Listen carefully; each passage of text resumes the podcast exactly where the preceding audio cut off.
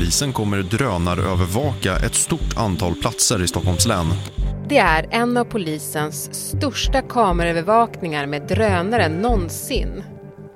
I månader kommer stora delar av Stockholm filmas i ett försök att stoppa våldsvågen. Då behöver även polisen ta ut svängarna.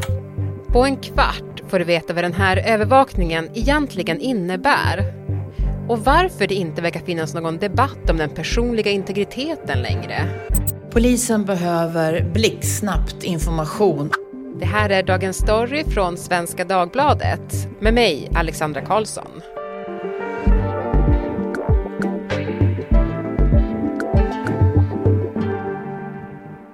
Erik Wisterberg och Henning Eklund, SVDs egna Tech Bros. Wow! Hej! Hallå! Tjena Tech Bros och journalister kanske vi ska nämna, eller? Ja, ni är ju också då reportrar på SvD Näringsliv. Det kanske hade varit lättare om jag bara hade sagt det. Men, ska vi köra? Vi kör. Mm. Ja, let's go. Du, Erik, eh, eller båda, jag var ju sjuk hela förra veckan så jag var hemma och hade jättetråkigt. Men i måndags var jag tillbaka och var på ert morgonmöte. Och då, Erik, tog du till orda om polisens nya drönarövervakning. Och du var väldigt inne på att det, det måste göras ett jobb om detta. Varför kände du så? Det började med att jag såg en svensk advokat på Twitter som skrev en lång tråd om eh, hur polisen på eh, fredag eftermiddag, tror jag att det var, gick ut med ett beslut om att de skulle inleda en stor eh, drönarkameraövervakning Eh, i många områden i Stockholm. Och eh, ju mer jag läste desto mer, vad ska man säga, eh, förvånad blev jag. För det var inte bara små områden utan här passerade liksom nästan hela Stockholms förorter revy, alltså hela områden och även platser i innerstan som Humlegården, Tantolunden och så vidare. Och när man la ihop allt det här så vis visade det sig att Eh, stora delar av Stockholm ska övervakas från luften med drönare fram till den 31 maj. Och det blev en liten sån där, oj, det här måste ju vara världens största grej tänkte jag. Mm. Men så var det inte då. Nej, men du, du fick ju, eller Henning fick ju uppdraget att kolla på det här ändå. Eh, och det har du gjort Henning. Absolut. Eh, alltså om vi då ska försöka, du recapade ganska bra där Erik, men, men Henning, vad är det polisen gör just nu egentligen? Mm, ja men de ska skicka upp drönare som filmar stora delar av Stockholm. Det är egentligen liksom, liksom det korta. De ska vill kameraövervaka och det har man ju gjort länge med kameror som sitter uppe men nu ska de skicka upp drönare över stora delar av Stockholm och det som är nytt här är att innan så har man kanske varit liksom, ja men här är en fotbollsmatch där det finns stor risk för att det blir bråk mellan olika liksom supportrar. Ja men då kan vi ha drönare som filmar och kollar läget där liksom under, i samband med den matchen i en dag. Men nu ska man i tre månader framåt skicka upp drönare över stora delar av Stockholm, både som vi sa förorter och innerstan. Och det innebär inte att det kommer liksom surra drönare över oss 24-7, men att polisen ger sig själva möjligheten, liksom rent juridiskt, som ska säga, att göra detta utan att behöva göra någon mer liksom bedömning innan, utan de kan bara skicka upp drönare om de om de vill det. Och det handlar ju som, från polisens sida såklart om den här ökande brottsligheten och det är få som vittnar, det är svårt att få bevis till exempel, så då hoppas man att de här kamerorna ska kunna bidra med detta. Mm. Men hur många människor pratar vi om här då som, som blir övervakade av de här drönarna? Ja, om man kollar på de här kartorna så är det liksom inte jättespecifika områden, utan till exempel hela Södertälje eller hela Farsta och Farsta strand till exempel. Så vi snackar ju hundratusentals personer som potentiellt skulle kunna påverkas av detta. Sen säger polisen att ja, men det ska bara vara under vissa tider på dygnet och efter noggrann behovsprövning. Men eh, ja, jag fick ingen intervju med polisen så de har inte liksom velat förklara något mer om hur den här behovsprövningen ska gå till. Men de hävdar ju själva att de inte vill utsätta fler för den här övervakningen än vad som är nödvändigt. Sammantaget då så har man bedömt då att intresset att kamerabevaka de här aktuella områdena då väger tyngre än den enskildes intresse av att inte bli bevakad. Det som är intressant är att polisen behöver göra en liksom dokumenterad, noggrann avvägning där man skriver ner liksom för och nackdelar med detta, hur man resonerar, om man ska kameraövervaka under längre tid än tre månader. Så därför har man satt det här till tre månader för att man inte ska behöva göra det här. Så man vet egentligen inte vad som har gjorts för be behovsprövning då? Alltså det här personliga integritet kontra brottsbekämpningen. Man vet ju liksom det här typ tre meningarna som polisen har skrivit på sin hemsida, men eh, inte mer än så. Nej, men, men det finns ju de som övervakar polisens beslut, eller? Alltså fram till för tre år sedan, då, 2020, så behövde polisen söka om tillstånd hos myndigheten med det fantastiska namnet Integritetsskyddsmyndigheten. Um, kan vi säga IMY här IMY kan vi säga härifrån nu. Sen för att krångla till ytterligare så hette den väl då Datainspektionen för tre år sedan, men sen dess har den bytt namn, så vi säger bara IMY. Mm. Uh, så då behövde polisen söka tillstånd för kameraövervakning. 2020 ändrades det, så polisen får själva besluta om var, hur man ska kameraövervaka. Men IMY är fortfarande tillsynsmyndighet, så IMY ska liksom kontrollera om polisen gör det här på ett rimligt sätt.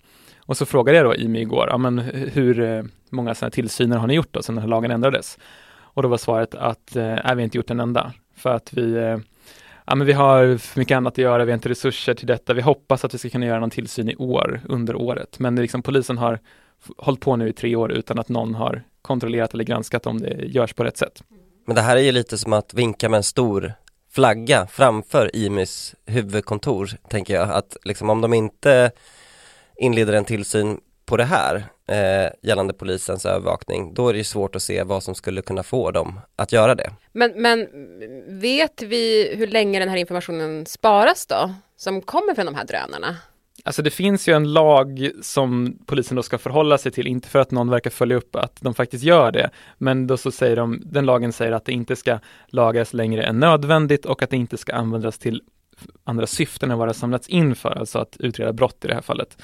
Ehm, men ja, det finns ingen liksom fast tidsgräns då, utan bara inte längre än nödvändigt.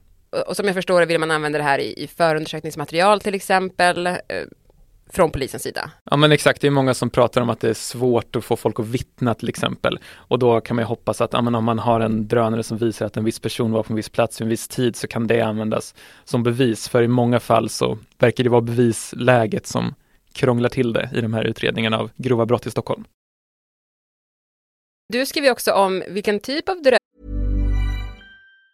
Life is made up of many gorgeous moments. Cherish them all, big and small, with Blue Nile. Whether it's for yourself or a loved one, Blue Nile's unrivaled selection of expertly crafted fine jewelry and statement pieces help make all your moments sparkle. Blue Nile's experts are on hand to guide you, and their diamond guarantee ensures you get the highest quality at the best price. Celebrate a life well lived in the most radiant way and save up to 30% at BlueNile.com. That's BlueNile.com. Henning, som används och då, då skriver de kinesiska drönare. Exakt, eh, polisen har ju inte velat säga exakt vilka drönare de använder av polistaktiska skäl den här gången.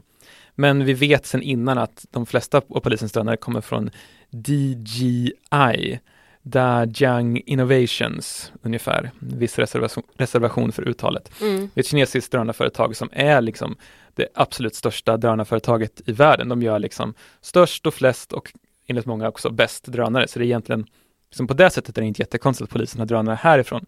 Det som gör det lite konstigt är att det är ett kinesiskt företag som är lite samma, alltså betraktas av, av i alla fall USA och andra länder i västvärlden och vara lite samma kategori som till exempel Huawei, att det är teknik som man inte ska använda till känsliga uppgifter. Så i USA är de DJI då förbjudna, liksom man får inte använda deras drönare om man jobbar på en myndighet till exempel och militären i USA har förbjudit de här sedan länge. Mm. Precis, och vi vet ju inte om det är det, för polisen har inte velat prata om det, eller mm. hur? Mm. Vi vet att de har många sådana drönare i alla fall. Fru talman, jag har talat med många om min vånda inför denna debatt och denna votering. 2008 det är den sista debatten innan riksdagen ska stänga för sommaren. Midsommarafton är bara några dagar bort. Men istället för en uppsluppen sommarlovskänsla är stämningen tryckt bland ledamöterna inne i salen. Men till syvende och sist måste jag kunna se mig själv i ögonen och säga att jag gjorde det som efter mina avvägningar var det rätta. Riksdagen ska dagen efter fatta beslut om den hårt kritiserade FRA-lagen en lag som i korthet innebär att det ska gå att avlyssna all data och telefontrafik som passerar Sveriges gränser utan någon brottsmisstanke. Oppositionen, de rödgröna, är emot lagen. Men eftersom att alliansregeringen har majoritet så spelar det ingen roll. Om det inte vore för de fem borgerliga ledamöterna som tycker att FRA-lagen inskränker den personliga integriteten för mycket. En av dem som vacklar är centerpartisten Fredrik Federley. Under ett av samtalen med min mamma så sa hon Fredrik, du vet att du måste göra det som är rätt. Och vad som är rätt kan faktiskt bara du avgöra. Vid den här tiden är frågan om den personliga integriteten högt upp på dagordningen. Piratpartiet har bildats två år tidigare och bygger stor del av sin politik på just kritik mot massövervakning. Något som ska ta dem hela vägen in i Europaparlamentet 2009. Vi är jättestolta för att vi är en riktig gräsrotsrörelse med tusentals aktivister som allihopa har bidragit. Men tillbaka till FRA-lagen. För även om debatten var känslosam och tårfylld så vann till slut partipiskan. Den som röstar nej kan anklagas för att inte sätta rikets säkerhet främst och riskera livet på oskyldiga människors liv. Den som röstar ja har medverkat till stora kliv mot ett, mot ett övervakningssamhälle. Och lagen blev verklighet efter en överenskommelse med de kritiska ledamöterna. Varför är det nästan ingen debatt alls just nu kring polisövervakningen och, och integritet? Nej, det har varit ganska tyst tycker jag.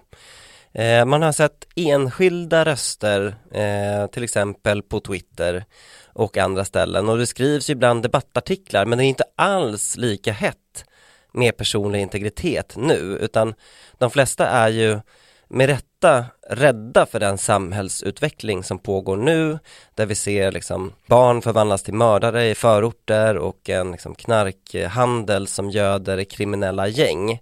Och det är ju där debatten handlar nu, alltså hur kan vi ta hårdare tag mot den här brottsligheten? Eh, och där kan man ju också tänka om vilket behov de här drönarna ska fylla. Eh, är det enbart brottsbekämpning eller finns det också ett annat behov att fylla här? Och då tänker jag på behovet för polisen att visa för politikerna att vi gör någonting och också behovet för politikerna att liksom hela tiden komma med nya lösningar och hårdare tag. Och då så tycker jag i alla fall att man inte hör så mycket om de värden som går förlorade när sånt här händer. Mm. Ja men, och det kan ju också vara då att, att folk, alltså den allmänna opinionen kanske inte tycker att det är så farligt. De kanske tycker att det är viktigare att då bekämpa brottslighet och gängkriminaliteten och att barn inte blir skjutna. Ja men så kanske det kan vara. Men, men och där blir det alltid väldigt svårt när det står sådana konkreta eh, liksom, exempel som är så lätta att ta till sig. Alltså barn blir skjutna på våra gator eh, mot något slags diffusa begrepp om personlig integritet. Men det är väldigt lätt att titta på just de här gängskjutningarna och tänka att allting måste göras som går för att stoppa dem. Men det finns ju också massa andra farliga saker i vårt samhälle. Alltså 2022 så dog det 220 människor i trafiken. Eh, det var, det är varje år mellan 1200 och 1500 som eh, eh, dör av suicid, alltså som mår så dåligt så att de inte orkar leva längre. Det är 38 000 fall anmälda eh, av våld i nära relationer. Och det här är ju områden där vi liksom inte tycker att det behövs de här liksom oerhört omfattande övervakningsinsatserna för att komma rätta till de med, med, med de problemen. Och det är väl där jag saknar lite debatten om just det som så högt tonläge kring gängbrottsligheten. Vi skulle tjäna på en liksom, debatt där våra politiker pratar om det här, man debatterar i riksdagen, eh, ungefär som det var under FRA-striden. Och nu ska man inte dra allt för stora växlar på de här drönarna, men varje steg eh, kan man ju argumentera för där övervakning sker liksom på människor som inte är misstänkta för brott utan någon konkret liksom, misstanke eller förundersökning som pågår är ju liksom ett litet, litet eh, förflyttning från rättsstat mot polisstat. Mm. Och det verkar ju som att många är ganska okej okay med det som vi sa, liksom att man bryr sig inte så mycket om de här små stegen och en grej jag tänker jämfört med 15 år sedan att nu är vi så vana vid att vi ger upp vår personliga integritet, liksom ett privatliv eh, i våra digitala liv. Som techbro måste ju komma med det perspektivet att liksom för 15 år sedan så var det inte några amerikanska superstora företag som visste allting om mig på samma sätt som idag. Nu har vi helt enkelt blivit så vana att så här, men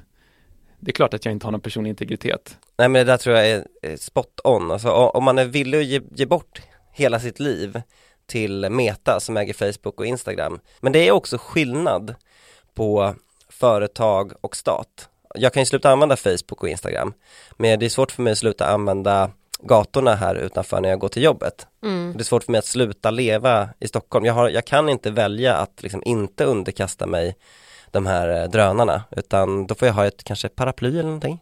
Mm. Ska du ha det? Nej, men jag tror däremot att kanske de eh, kriminella, kanske kan man tänka sig i alla fall, kommer tänka på att det finns drönare i luften och eh, klä på sig ännu mer hoodies och liksom Moncler dunjackor med uppfälld luva och eh, rånarluvor och så vidare. Alltså jag tror inte de kommer ha så jättestora problem att hantera drönare. Men, men eh, Henning, tror du att vi kommer se en sån liksom, politisk debatt igen om personlig integritet som det var då?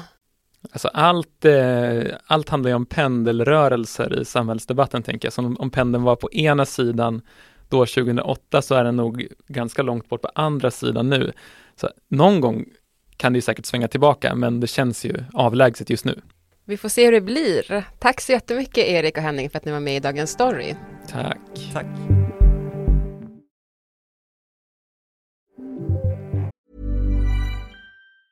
Normally, being a little extra can be a bit much, but when it comes to healthcare, it pays to be extra. And United Healthcare makes it easy with Health Protector Guard fixed indemnity insurance plans. Underwritten by Golden Rule Insurance Company, they supplement your primary plan, helping you manage out of pocket costs without the usual requirements and restrictions like deductibles and enrollment periods. So when it comes to covering your medical bills, you can feel good about being a little extra. Visit uh1.com to find the Health Protector Guard plan for you.